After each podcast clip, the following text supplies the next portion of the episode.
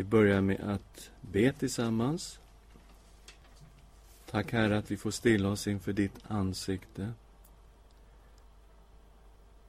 Tack att du är här, Herre Jesus Kristus, efter ditt löfte. Vi samlas i ditt namn.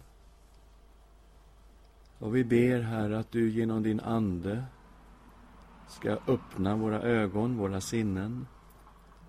Tala till oss, Herre, ifrån ditt ord. I Jesu namn. Amen.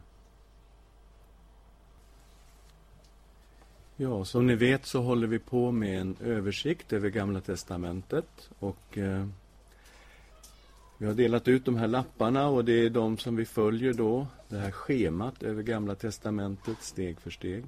Vi kommer in i nästa scen, som då är scen 3. Och eh, att jag delar upp det i sådana här scener, det är för att sammanfatta väldigt viktiga händelser som också då är, eh, är betonade när man läser Bibeln. Bibeln skriver ju inte en historia bara så här linjärt och så är det ingenting mer, utan det finns ordentliga nedslag i Israels historia. Och här har vi ett ordentligt nedslag. Liv, tiden kring Mose. Efter ett tag så glömdes Josef bort i Egypten. Vi är inne i Andra Mosebok. Folket blev förslavat. Man satte arbetsfogdar över dem och de fick utföra slavarbete. Och folket förökade sig väldigt mycket och eh, egyptierna blev lite rädda för det här folket som skulle kunna bli för stort för dem att kunna hantera. Som ville begränsa antalet hebreer, antalet israeler. Och eh, man sa åt barnmorskorna att de skulle ta livet av pojkarna. Men det gjorde de inte. Eh, men då kom nästa befallning att de skulle kasta alla pojkar i Nilen. Och vid den här tiden så föds en pojke som fick namnet Mose. Han kastades inte i Nilen riktigt. De löd lite grann så här. Hans mamma gjorde en, en, en sorts korg med lock på och satte den lilla pojken i korgen och stoppade korgen i Nilen. Det var ju liksom inte riktigt kastas i Nilen, men ändå, han var ju där. Och faraos dotter kommer ner för att bada och hör den här pojken skrika. Och tittar efter och ser då Mose. Och hon fattar tycke för den här pojken och får medlidande med honom och då rusar Miriam fram, som då har stått och gömt sig i buskaget för att se hur det ska gå med lillebror. Och säger, jag kan ordna fram en amma till den här pojken. Vad säger du om det? Ja, det går hon med på. Och så får Mose första åren växa upp hos sin mamma och pappa. Men sen förs han ju över till faraos dotter och växer upp i hovet och får alltså den högsta universitetsutbildning som någonsin fanns på den tiden. Han blev alltså skolad i Egypten. Och Egypten var ju alltså supermakt på den här tiden. Men eh, när han växer upp visar det sig också att han känner till sitt ursprung. Han vet att han är hebre, han är egentligen ingen egyptier på riktigt. Och en dag så ser han hur eh, en egyptisk slavdrivare piskar en Israel. Och då ingriper han och slår faktiskt ihjäl egyptien och gömmer honom i sanden. Och hoppas att ingen har sett, men eh, det visar sig att det är några som har sett det här. Och farao får reda på vad som har hänt och Mose flyr landet. Han flyr till Midjans land var ligger det, undrar man då. Och det är olika uppgifter på var det här ligger. Rent traditionellt så var de alltså öster om Jordan och sydost, norra delen av dagens Saudiarabien. Där skulle man placera midjaniterna. Men det finns ju också flera som påstår att de var i östra delen av Sinaihalvön så det kan vara vilket som. Eh, det behöver inte vara i Saudi, det kan vara också i det som i dagens Egypten, alltså i Sinai-öknen, östra delen upp emot Röda havet. Fullt möjligt. Men vi får lämna den frågan lite osäkert så här. I alla fall så gifter han sig där med Sipora och får två söner. Han eh, börjar vakta får. Och när Mose flyr, då är han 40 år gammal. Och så går han och vaktar får och man tänker, jaha, 40 år till? Ja. Så kan man säga att Gud kan ha en agenda i våra liv som är totalt annorlunda mot vad vi tänker. 40 år i öknen. Alltså han hade ju en fantastisk utbildning i början, eller hur? Han fick ju gå i Egyptens universitet. Och han hade en fantastisk utbildning i att vandra i öknen. Han kunde den här delen av öknen som sin egen ficka efter 40 år av fårvaktande. Han kommer till Guds berg Horeb. Och var ligger det, undrar man då. ja, det finns ju ett berg som är utpekat som Sinai berg. Eh, på arabiska heter det Jabal Musa. Och eh, vi som har bott i Egypten har naturligtvis varit där. Det ligger i södra delen av Sinai halvön. Men det finns också ett alternativ som ligger då i norra delen av Saudi. Eh, så vi får lämna den frågan lite öppen exakt var eh, Sinai berg ligger. Men den traditionella platsen det är alltså södra delen av Sinai halvön. Och där går han och vallar får och ser en buske som brinner. Men den brinner inte ner, eller brinner inte upp, jag vet inte vilket, men den brinner i alla fall inte på ett sådant sätt så att den förtärs.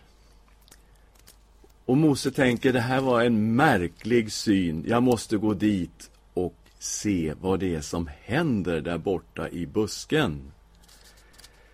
Och då börjar Herren tala. Och Herren säger att han ska ta av sig sina sandaler som han har på fötterna och tänka på att han står på helig mark. Och här får Mose en kallelse av Gud. Han ropar Mose, Mose. Det här är Andra Mosebok 3 och 4. Han svarade, här är jag. Då sa Gud, kom inte hit. Ta av dig skorna, ty platsen där du står är helig mark. Och han sa, jag är din faders Gud, Abrahams Gud, Isaks Gud och Jakobs Gud. Då dolde Mose sitt ansikte, ty han bävade för att se på Gud.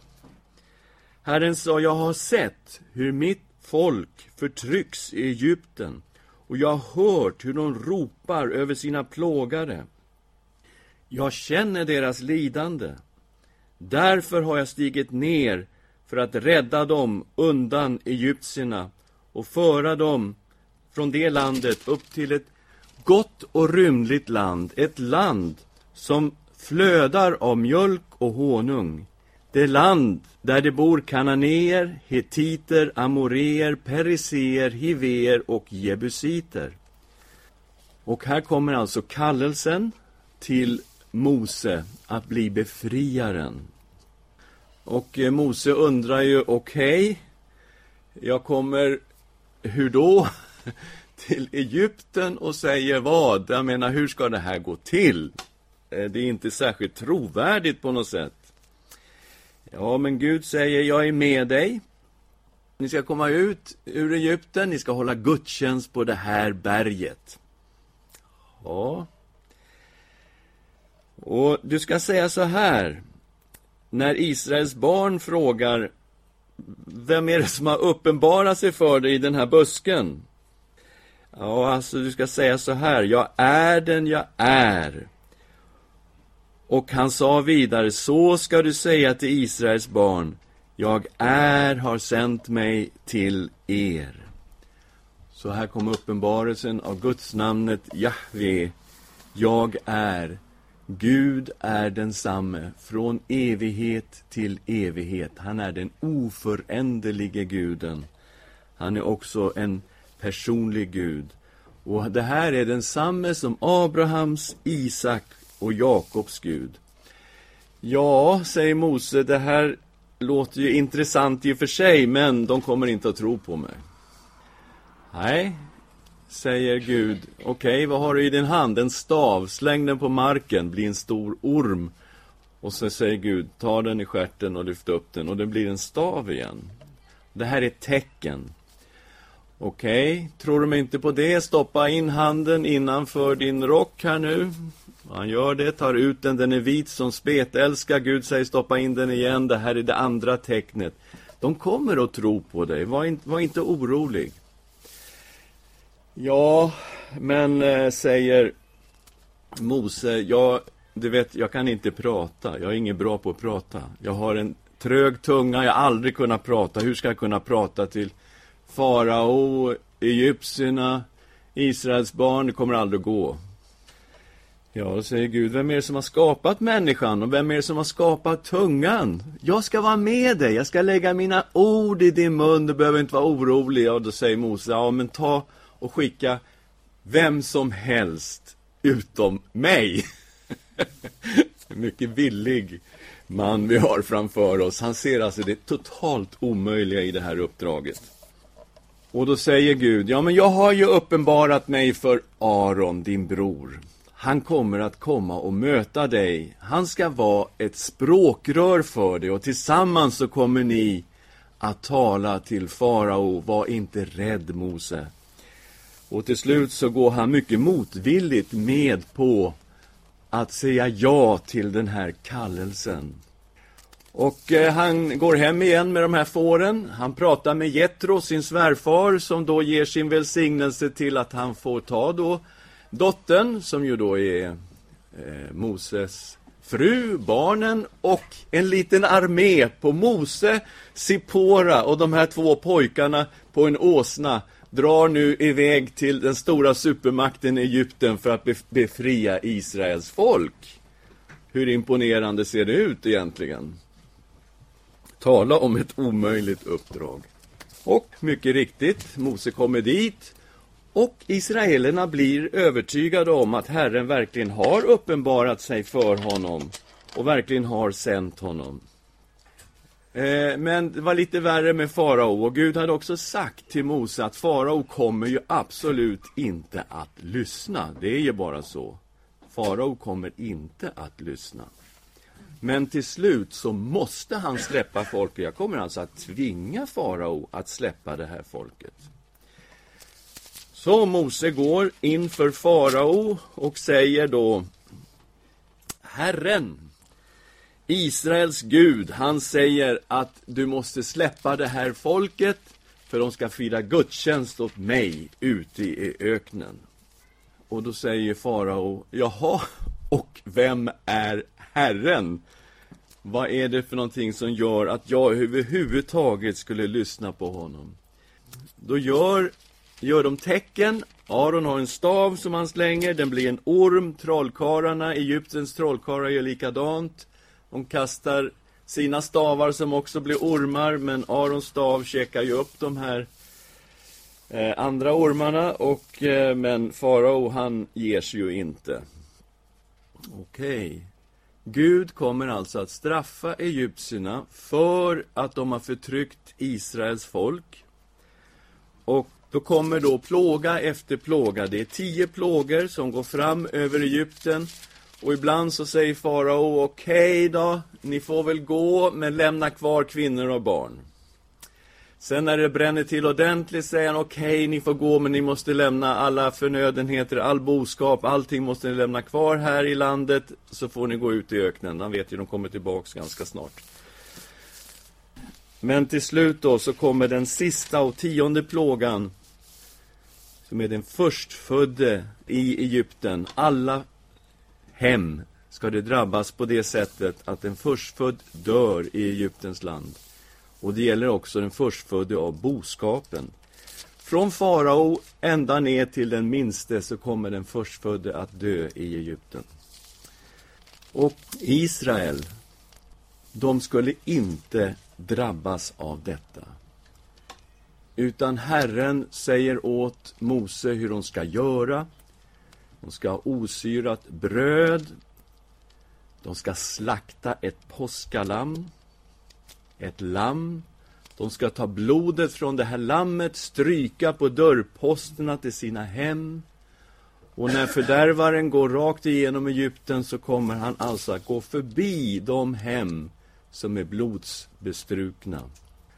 Och vi vet ju att det här också pekar fram mot Jesus Kristus, vårt påskalamm. Och vi som egentligen skulle straffas på grund av vår synd har fått förlåtelse och frälsning genom Jesus Kristus. Det är som om hans blod är struket på dörrposterna till våra hus. Och vi finner förlåtelse och frälsning i vårt påskalamm, Jesus Kristus. Man skulle påminnas om det här. Gud instiftade någonting som gjorde att man påmindes om befrielsen ur Egypten. Allt förstfött i Israel skulle lösas. Alla förstfödda söner måste lösas. Och det gällde också bland boskapen. Det tillhörde Herren. Så när Jesus blir född så bär ju Josef och Maria fram Jesus, barnet, i templet och offrar två turturduvor för honom. Och det här pågick alltså genom hela Israels historia. Man påmindes om, varje gång det var någon förstfödd som föddes i en familj, så påmindes man om befrielsen ur Egypten. Varje gång man firade påsk så påmindes man om detta när man åt sitt påskalamm. Så tänkte man på hur Gud frälste sitt folk och beskyddade dem i Egyptens land. Varje gång de firade sabbat så gjorde de det och upprepade just detta att Herren hade befriat dem ut ur Egypten. I femte Mosebok får vi reda på att sabbatsbudet också har den här innebörden att det påminner om befrielsen ur Egypten. Eh, I femte Mosebok kapitel 5, vers 15. Kom ihåg att du var en slav i Egyptens land och att Herren din Gud har fört dig ut därifrån med stark hand och utsträckt arm. Därför har Herren din Gud befallt dig att hålla sabbatsdagen. Så varje vecka påmindes Israels folk om att Gud hade befriat dem. Han var deras frälsare. Han hade befriat dem ut ur Egypten. Och de kommer då till berget, och ni ser på pilarna där så är det alltså den traditionella platsen för Sinai berg. Och här gör Gud ett förbund med Israel.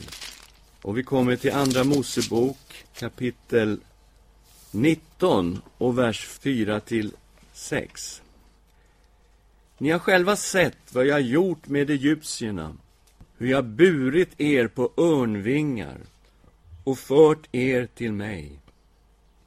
Om ni nu hör min röst och håller mitt förbund ska ni vara min dyrbara egendom framför alla andra folk. Du hela jorden är min. Ni ska vara för mig ett rike av präster, ett heligt folk. Detta är vad du ska tala till Israels barn. Så Israel skulle vara ett prästfolk bland alla folk på jorden. Och prästens uppgift i Israel var ju bland annat att undervisa folket om Herrens vägar. Och Israel hade alltså en missionskallelse på sig att vara ett prästfolk bland alla folk på jorden och förkunna om Herren, Israels Gud, för folken. Och Det här är ju ett tema som sen går igenom Gamla testamentet. Vi hinner inte titta på det nu. Men Herren ger dem de tio budorden. Han sluter förbundet med Israels barn. Och han talar de här tio budorden. De ristas ner på stentavlor. Ni kommer ihåg första stentavlorna blev ju Moses så vansinnig så han slog sönder när han kommer ner från berget. Därför att vad är det som har hänt? Israels barn har gjort en guldkalv och sagt att det här är Herren din Gud som har fört dig upp ur Egyptens land och så tillbad de inför den här guldkalven och bröt första budet på en gång. Du ska inga andra gudar ha vid sidan av mig. Och sen fick han ju stentavlor igen, nya stentavlor. Herren ristade in de tio budorden på de två stentavlorna. Stentavlorna kom sen att förvaras i arken, den här lådan som fanns i tabernaklet. Så det, Gud gör ett förbund med Israel på Sinai berg. Och det här förbundet står ju inte för sig själv. Det är inbakat i det förbund som Gud gör med Abraham. Förbunden som kommer efter Abraham är ju så att säga inbakad i de löften som Gud ger till Abraham. Löftet om ett land, löftet om ett folk, löftet om välsignelse och i dig ska alla släkter på jorden bli välsignade. I de här löftena ligger ju också förbundet som Gud gör på Sinai med Israels folk. Förbundet som Gud gör med David, att en son från honom skall sitta på Herrens tron för evigt. Och där Gud säger, jag ska vara hans fader, han ska vara min son. Förbundet som Gud gör genom Jesus Kristus, det nya förbundet, ligger ju i Abrahams förbundet. I dig ska alla släkter på jorden bli välsignade. Så Gud gör det här förbundet, det är alltså inte ett fristående förbund på det sättet, utan allting ingår i Guds stora frälsningsplan som alltså börjar med Abraham. Man kan undra varför gör Gud det här? Gud hade ju hållit den första delen av löftet till Abraham. Han hade ju gjort honom till ett stort folk. Nu var de ju ett stort folk. Okej, okay, det här stora folket hade då varit en lång tid, över 400 år i Egypten, kommer ut i Sina i öken. Behöver de några lagar, tror ni? Var det viktigt det här med att Gud gör ett förbund med det här folket? Vad tänker ni? Ja, annars har vi ju alltså anarki och kaos framför oss. Vi har avgudakulturer runt om Israel finns en enda, ett enda folk som har en totalt annan gudsbild. Och det är Israels folk. Och det är Gud som har uppenbarat sig för Abraham, Isak, Jakob och Mose nu. Hur ska de kunna bevara denna tro på den ende guden med alla dessa avgudakulturer som lever runt omkring Israel? De behövde ett förbund. De behövde lagen. De behövde en helgedom och de behövde ett prästerskap och de behövde offren, de behövde ett sätt att tillbe Herren. Och när Mose är uppe på berget, Sinai berg, så uppenbarar Gud för Mose att han ska göra en helgedom. Han ska göra precis allt efter den mönsterbild som har blivit honom visad uppe på berget. Han får alltså se en mönsterbild, tabernaklet, hur det ska göras. Och han får väldigt precisa instruktioner om hur tabernaklet ska byggas och alla föremålen som finns i tabernaklet. Tabernaklet var ju som ett stort tält. Två rum, om man tänker sig att man drar en avdelning här emellan så blir då det första rummet det heliga, det inre rummet blir det allra heligaste och däremellan finns ett förhänge, en gardin, en förlåt. Runt omkring det här tältet så är det som eh, ett staket, kan man tänka sig, som är så pass högt att ingen kan se in. Det är alltså inget genomskinligt staket. Och inne på förgården, där finns det då ett brännoffersaltare och där offras alla djuren som eh, ingår i gudstjänsten. Framför ingången till det här tältet så finns det som ett stort kar, ett bäcken, alltså en cistern kan man tänka sig med vatten i. Och prästerna ska alltså tvätta sig innan de går in i tabernaklet. När de kommer in i det första rummet så finns det på ena sidan ett bord med skådebröd. Det är tolv bröd, det är ett bröd för varje stam i Israel. För att folket ska vara representerat inför Herren. På andra sidan så finns det en sjuarmad ljusstake och prästerna ska gå in varje dag och se till att det finns olja i den här eh, ljusstaken och att den brinner. Det är det enda ljuset egentligen som finns inne i tabernaklet. Och sen framför förlåten så står det ett rökelsealtare och varje dag så skulle prästen gå in och offra rökelse inför Herren och det är en form av tillbedjan, den här rökelsen. Och ni vet när, när eh, Sakarias fick en uppenbarelse, ängeln Gabriel kom till honom, var just när han höll på att tända rökelsen inne i templet och säger du ska, du ska få en son, du ska ge honom namnet Johannes. Och sen innanför förlåten, i det allra heligaste, där var arken. Och eh, arken var som en låda överdragen med guld, både invändigt och utvändigt. Och i den förvarades stentavlorna. Arons stav som hade grönskat, lite manna ifrån öknen, låg också i den här lådan. Och locket på den här arken kallas för nådastolen. Det är en bild på Guds tron i himlen. Och uppe på locket stod det två guldkeruber, Herren som tronar på keruberna. Och det här var en bild på himlen, nådens tron i himlen. Och på ett sådant sätt så uppfyllde då Herrens härlighet tabernaklet när de invigde det så att Mose kunde inte ens gå in i det. Vi är i slutet på Andra Mosebok kapitel 40 och vers 34.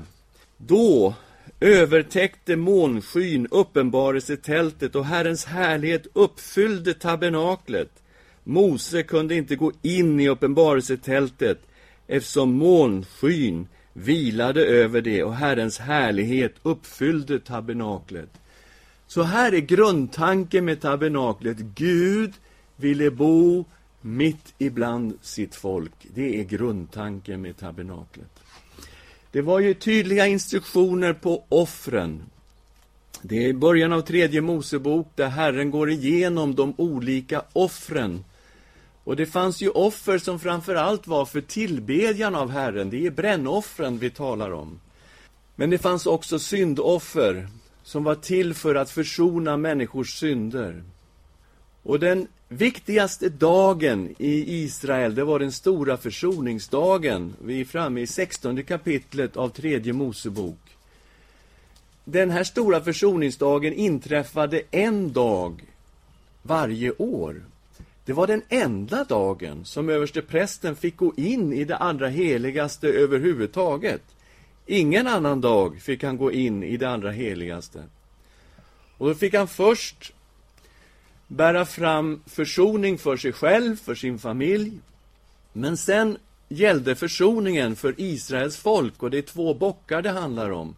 En bock är för Herren och den andra är för folket. Och den visar de två sidorna av försoningen. Aron offrar först eh, den första bocken och lägger då händerna på huvudet av den här bocken och bekänner Israels synd. Och av det här blodet från den bocken som då offras ute vid brännoffersvaltaret så går han då in i det allra heligaste och stänker sju gånger framför arken inne i det allra heligaste. Och så bringar han försoning för Israels folk. Han stryker också blod på alla föremålen som finns där inne i tabernaklet.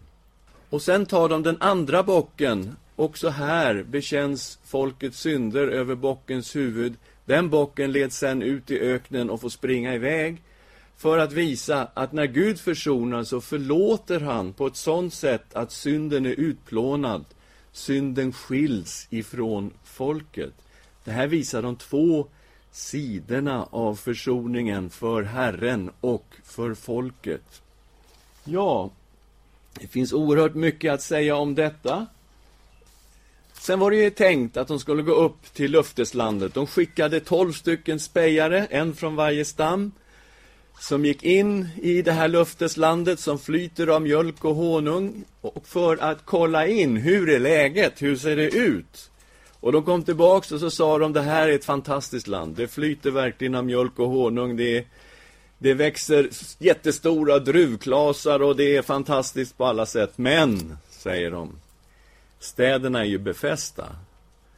Och folken är ju tränade för strid. Och vi har inte en chans att inta det här landet.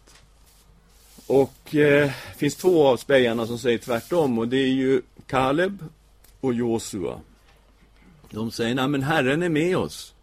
Det kommer inte vara något problem. Gud kommer att göra under. Han har ju befriat oss från Egypten. Han kommer naturligtvis att fullfölja det här så att vi får det land som Gud har lovat våra fäder, Abraham, Isak och Jakob. Det kommer att funka. Men de andra, de lyckas då övertyga resten av hela Israel att det här kommer aldrig att gå och för 115 gången så klagar de på Mose och säger varför har du fört oss upp ur Egypten? Tänk om vi får stanna kvar där och dö i Egypten, det var mycket bättre än att dö här i öknen och där hade vi åtminstone lite kött att äta och så vidare och så vidare. De och klagar och klagar. Och till slut så säger Gud, okej, okay, ni kommer inte in i landet. Det är sant, ni kommer inte in. Ni ska få vandra i den här öknen i 40 år. Bara de som är 20 år eller yngre, plus Kaleb och Josua, det är de enda som kommer att få komma in i löfteslandet. Alla ni andra kommer att falla här i öknen.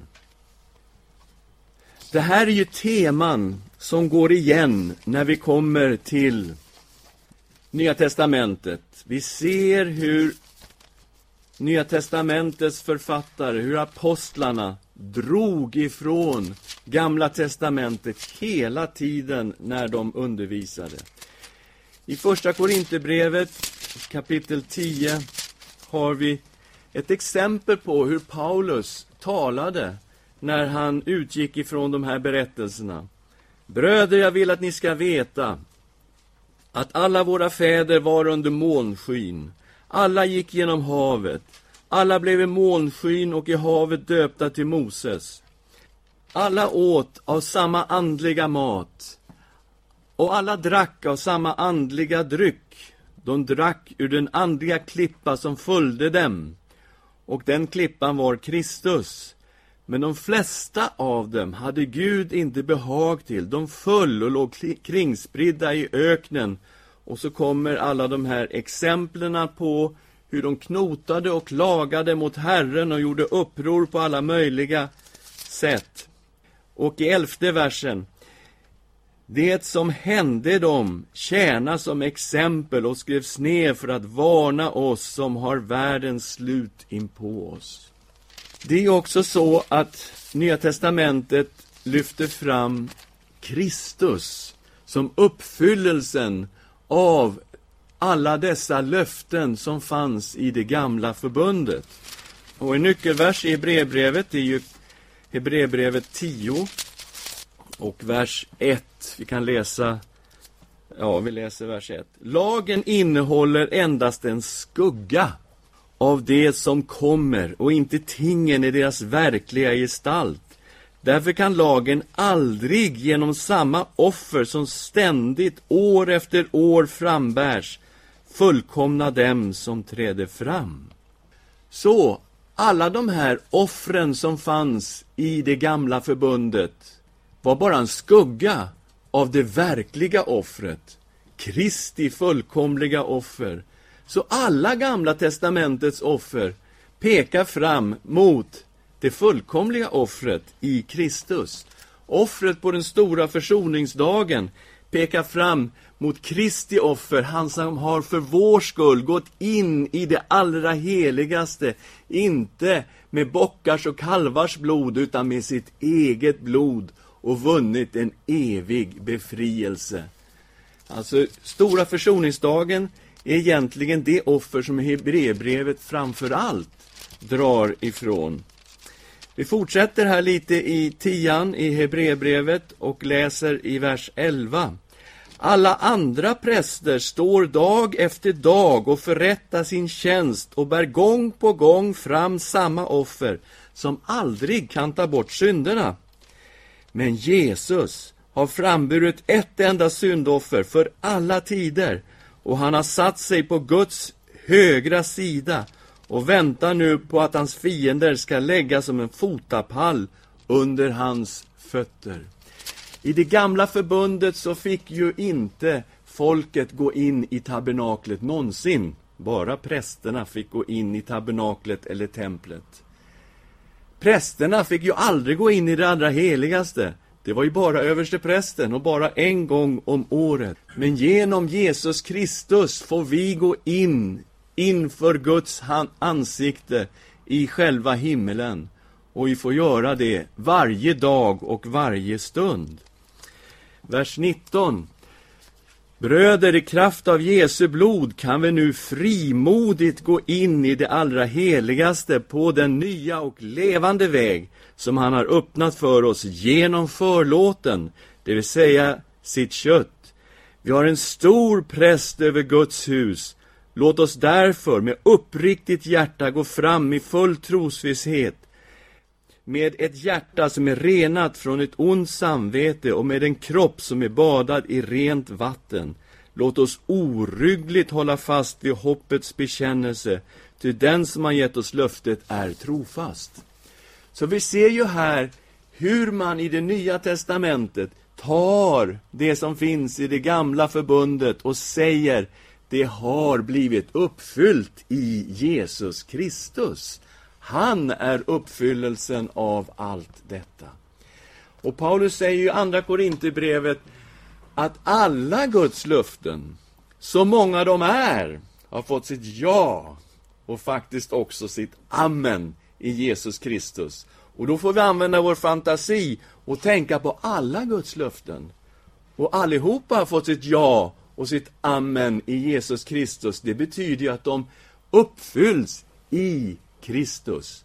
Så låt oss nu tänka lite grann tillsammans. Vi har ett folk i det gamla förbundet. Har vi ett folk i det nya förbundet? Ja, visst. Det finns Guds utvalda folk i det nya förbundet, det är alla de som tror på Jesus Kristus, judar och hedningar.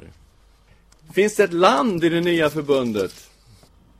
Ja, inget geografiskt land, men jag känner en som talade om Guds rike. Han heter Jesus. Guds rike är nära och han undervisade om riket hela tiden. I det gamla förbundet fanns det ju en kung i Israel. Finns det en kung i det nya förbundet? Jesus, konungarnas konung, herrarnas herre. I det gamla förbundet fanns det många offer. Finns det något offer i det nya förbundet? Ja, okej, okay. ni är på G här. Eh, Okej, okay. i det gamla förbundet fanns överstepräster. Finns det någon överstepräst i det nya förbundet? Ja, det fanns många präster. Finns det några präster i det nya förbundet då? Vi, var det någon som sa, va? Mm. Vi, ja absolut. Guds folk. Ett folk av präster, säger Nya förbundet, säger Nya testamentet. Det fanns tempel i det gamla förbundet. Finns det något tempel i det nya förbundet? Mm? Ja, församlingen är ju Guds tempel och vi som enskilda troende, våra kroppar är tempel för den helige Ande som bor i oss. Och så här kan man hålla på. Det fanns krig i det gamla förbundet. Finns det någon sorts krig som pågår i det nya förbundet? Absolut. Vi är ett andligt krig. Vi har andliga fiender. Men Jesus Kristus är segraren. Han sitter på tronen och alla hans fiender läggs under hans fötter till en fotapall. Så alla de här sakerna vi läser om, som finns i det här förbundet som Gud gjorde med Israels folk, har en uppfyllelse i Jesus Kristus. Och det är viktigt att se när vi läser GT att det är på det sättet. Vi ska stilla oss några ögonblick. Tack, Herre, för att du är historiens Gud. Tack för dina förbund som står fast från evighet till evighet. Förbundet, Herre, som du gjorde med Abraham. Nu det här förbundet som du gjorde med Israels folk. Och vi kommer att se ett förbund längre fram som du gjorde med David. Vi tackar dig, Herre, att du är förbundens Gud och att vi får leva i det nya förbundet där allt detta har blivit uppfyllt i dig, Jesus Kristus, vår Herre och Frälsare. Vi tackar dig. Amen.